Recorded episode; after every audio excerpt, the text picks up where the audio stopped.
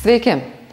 Ar saugiai ir ramiai gali jaustis valstybė, kuri per ketverius metus informacinėms technologijoms išleidžia 400 milijonų eurų?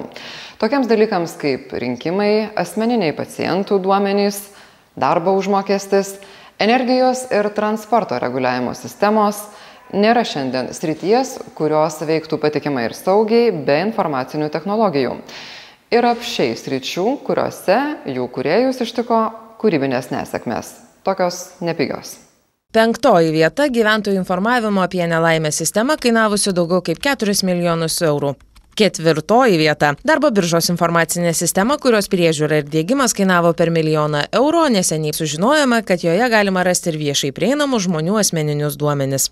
Trečioji vieta - statybos leidimų išdavimo sistema Infostatyba, kainavusi beveik pustrečio milijono, naudinga ne tik statytojams, bet ir sukčiams. Vardas pavardė plus asmens kodas lygų 1001 planas gimstantis sukčiaus galvoje.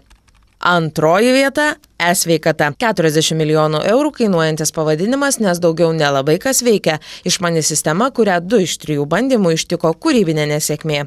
Pirmoji vieta - vyriausiosios rinkimų komisijos įsigyta informacinė sistema - 5 milijonai eurų ir viešai prieinami rinkėjų duomenys bei stringanti balsų skaičiavimo sistema.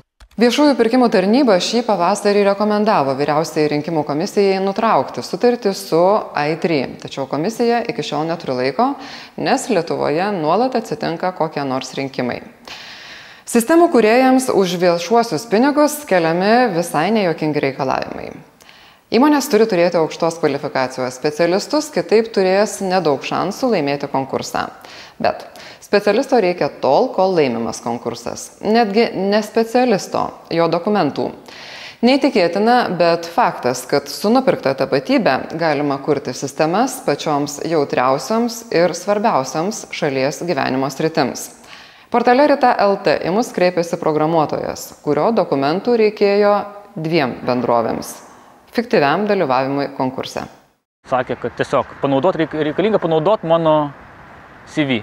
Šita pirmoji organizacija, jie, jie darbo nesiūlė, bet jie, aš kai paklausiau, kad čia pasakiau, kad mane labai čia švariai atrodo, ta prasme, kas tos darbus po to vykdys, jeigu konkursas bus laimimas su mano CV panaudotu jame. Jie sakė, jeigu nori, tai galim jūs pridėti prie kažkokių darbų.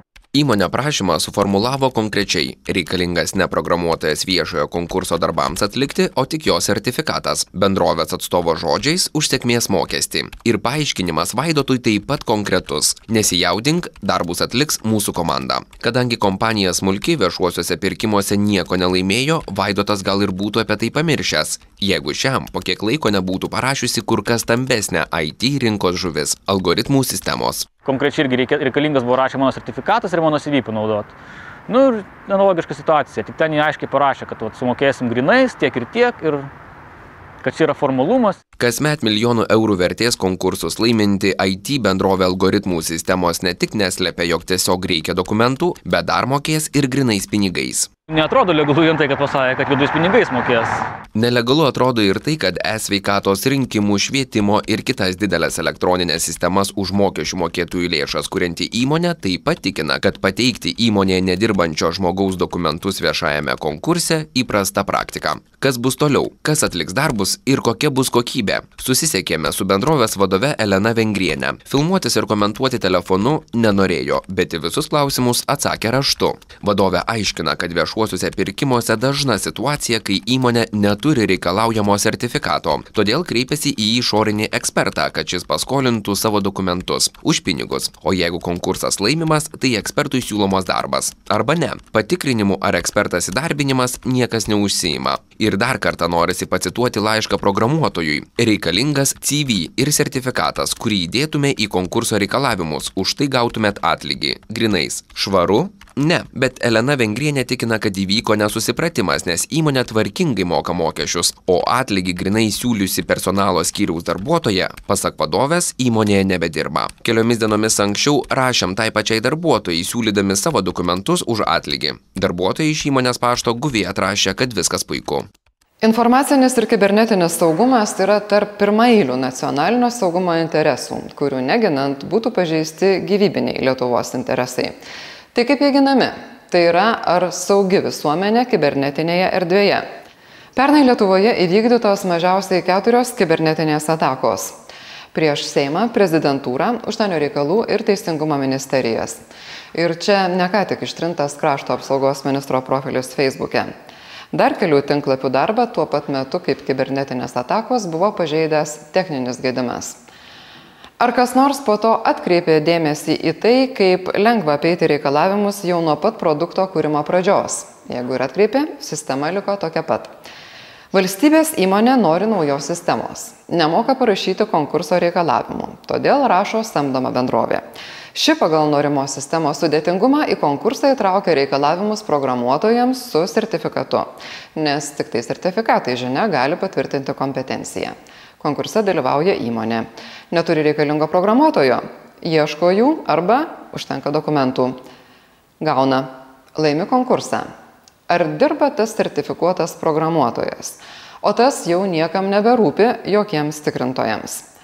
Verslininkai sako, okei, okay, čia viskas yra legalu. Nors sakytum, kad jie patys pirmieji turėtų reikalauti griežto tikrinimo, bent jau tie, kurie kuria sistemas be pavoktų tapatybių. Pasidomėjus plačiau, tokių kaip algoritmų sistemos daug. Laidos Rita kalbintas vienos IT įmonės vadovas, nenorėjęs atskleisti vardo, teigia, kad dokumentai teikiami formaliai, o laimėjus konkursą keliai išsiskiria. Skolinasi CV būtent konkursui. Tuomet konkursą sudarai galimų specialistų sąrašą su CV. Jungtinės veiklos sutartis taip apibrėžiama, kad būtų dirbama kartu. E, jeigu laimima, tuomet arba pranešama, kad e, jungtinė veikla nutraukiama, arba bus kitas specialistas, arba formaliai galbūt e, tas žmogus ir dalyvauja toliau. Dar nesu girdėjęs, kad paslaugų teikimo sutartis būtų nutraukta, jeigu išėjo specialistas iš kompanijos. IT sektorėje labai sudėtinga patikrinti, kiek iš tikrųjų kompetencijų buvo panaudota e, specialias žinias turinčio programuotojo. Keista praktika, kelianti pagristas abejonės dėl darbų viešojo sektoriaus IT sistemose kokybės, tarsi turėtų būti smerkiamas sektoriaus atstovų. Tačiau anot jų, verslas yra verslas, o moralė ir etika atsiranda tik labai nukrypus nuo praktikos šiaip tai čia yra ganėtinai tipinė praktika tiek lietuvoje tiek tarptautiniu mastu tų situacijų yra visokių ir vienareikšmiškai sakyti kad kiek visi čia atvejai yra neetiški būtų teisinga nes čia tiesiog veikia rinka veikia ekonomika ir veikia partnerystės verslo. Pagal visus kontraktus pagal ir įstatymus yra dvi galimybės. Arba įdarbinti arba samdyti kaip išorinį. Tai jeigu kažkokie atvejai kurie nukrypsta nuo nuo šitų normų apčiuopiami tai tuomet tikrai čia yra neteisinga ir to negalėtų būti. Tiktai vat klausimas paskui ar juo jie naudojasi eigoje ar ne ar jie turi pakankamai vis dėlto kompetencijų juo pilnai galbūt neįdarbint arba tik dalinai arba galbūt išvis neįdarbint tai čia ta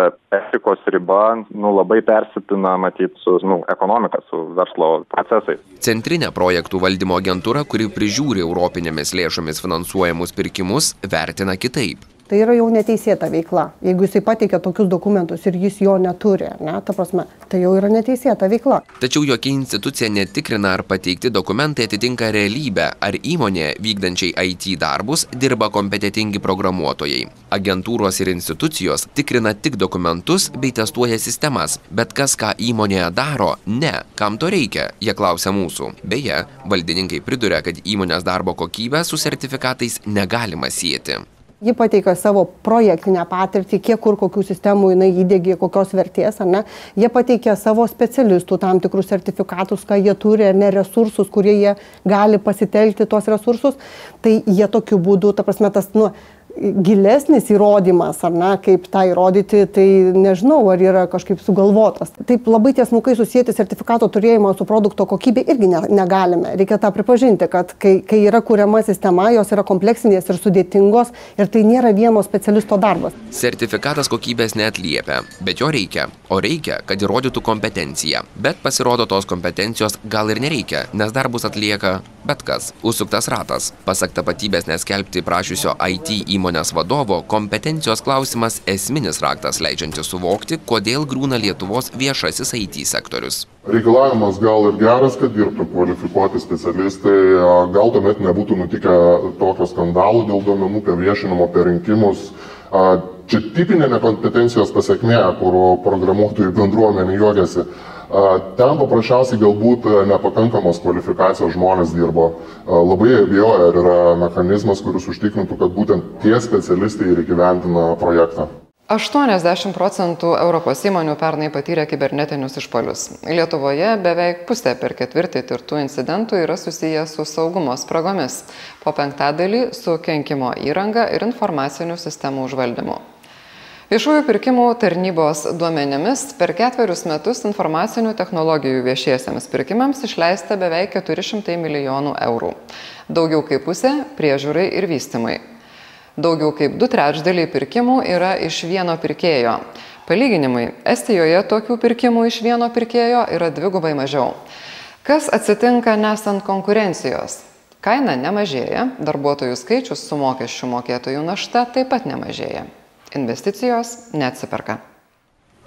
IT sektoriaus atstovai sako, kad sėkmingų viešojo sektoriaus projektų yra kur kas daugiau nei nepavykusių. Tačiau vienos didelės sistemos griūtis reiškia ir galimą duomenų nutekėjimą, ir nemažėjančių žmonių resursus, ir chaosą institucijose. Pasak ekspertų, tai, kam išleidžiame milijonus, nėra sėkmingai įdėgiama. Šiuo atveju gaunasi, kad politinis sprendimas yra daromas aukštai, mums reikia tokios sistemos, mes turėtume ją įsidėkti, jinai mums padėtų ir taip toliau o patį dėgymą ar, ar vykdymą daro e, žemiausios grandies darbuotojai arba trečios šalis, kurio, kurias kontroliuoja žemiausios grandies darbuotojai. Tai bendras vertinimas būtų vidutiniškas. Tai, kad sistemos neveikia, pripažįsta ir įdėgymą turinti kontroliuoti instituciją. Jeigu valstybėje yra kuriama yra e-paslauga kažkokia, ar ne, tai ta e-paslauga jinai jau turi sąsąją su kitomis sistemomis, ar ne, nes, nu, arba turi turėti, arba turi būti numatytos tos sąsajos ateityje, ar ne.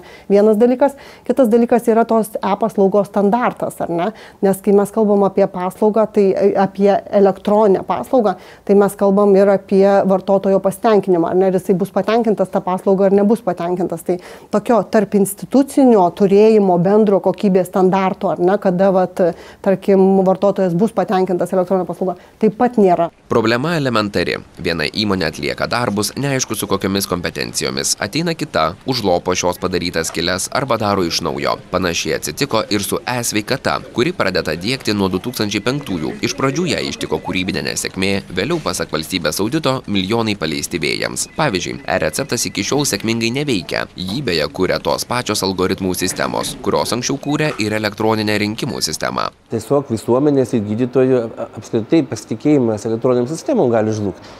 Jau dabar yra nuomonė, kad, kad kuo mažiau reikia, ne? kad kuo mažiau veltis į, į, į visas elektroninės sistemas. Tai čia turbūt bagiausia, ką galima būtų padaryti. Nes receptas kaip toksai, tai iš principo yra vienas svarbiausių dalykų, net, pavyzdžiui, telemedicinos, e, e, sakykime, vystimo prasme. Laidos ryta tyrimas rodo, kad viešojo sektoriaus IT erdvė nestabili, prižiūrima formaliai, o vartotojų poreikio iš vis niekas neanalizuoja. O kas būtų, jeigu elektroninė sveikatos sistema striktų taip pat, kaip kažkada rinkimų portalas parodęs asmeninius žmonių duomenis. Programišių atakos ir duomenų nutekėjimas, pasak eksperto, labai reali grėsmė. Jie gali net nesuprasti, kas yra negerai su sistema, nes jie ne, ne, ne, neturi žinių, kaip jin turėtų iš viso funkcionuoti. Čia tik tai laiko klausimas arba, arba pasigilinimo klausimas, kada ta jautri informacija pradės nutekėti arba kur jinai teka. Tačiau į viską galima žvelgti ir kitaip. Bent kažkas veikia ir kažką elektroninėje erdvėje galima padaryti. Nesvarbu kaip pačios sistemos šitų institucijų yra sukurtos ir veikiančios. Taip, jos gal nedžiugina vartotojo, taip, gal jos nepilnai integruotos, taip, gal joje reikia nueiti 25 žingsnius, kad rastum ten tą informaciją, taip, gal tu kažką padarai ir net nesupranti, ką ten padarai, nu, bet padarėjai, užsiskaitai, reiškia paspaudėjai, priimtai ir nukeliavo. Priemonėmis, kuriant informacinę visuomenę, tai yra atrenkant prioritetinius projektus ir juos įgyvendinant, turi rūpintis ir toks informacinės visuomenės komitetas prie susisiekimo ministerijos. Komitetas pats patenka į topus pagal informacinių technologijų pirkimus, bet ir priklauso. Jo vadovas Ramūnas Čiapaitis vieną iš sėkmės istorijų laiko sodros sistemos dalį, kurią įdėgus klientą atpažįsta pagal balsą. 12 tūkstančių klientų, jeigu taip tiksliai. Ir jeigu tik balsas susirgus neužkimo.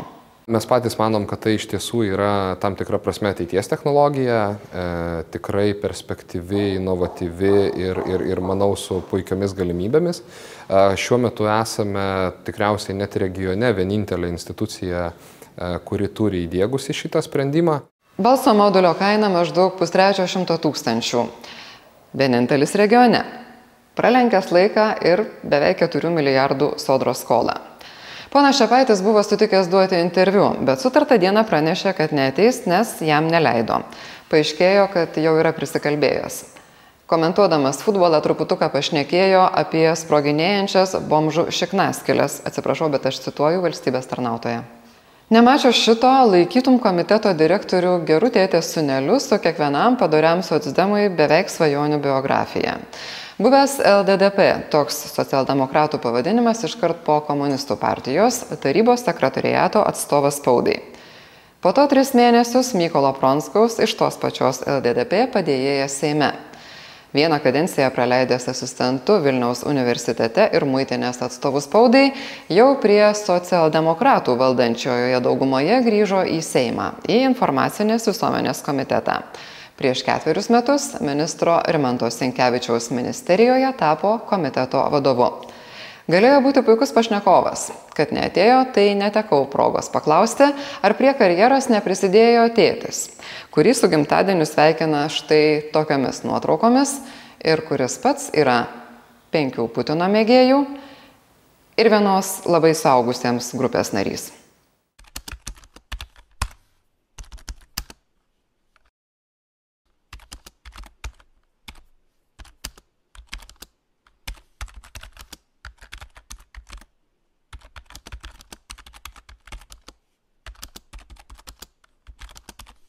Šiandien tiek, iki kitos savaitės. Ir primenu, kad apie savo herojus galite parašyti čia. Tie, kurie norite mus paremti, ateikit čia. Ir ačiū tiems, kurie jau remet. Šitą laidą kuriame tik tai iš jūsų paramos.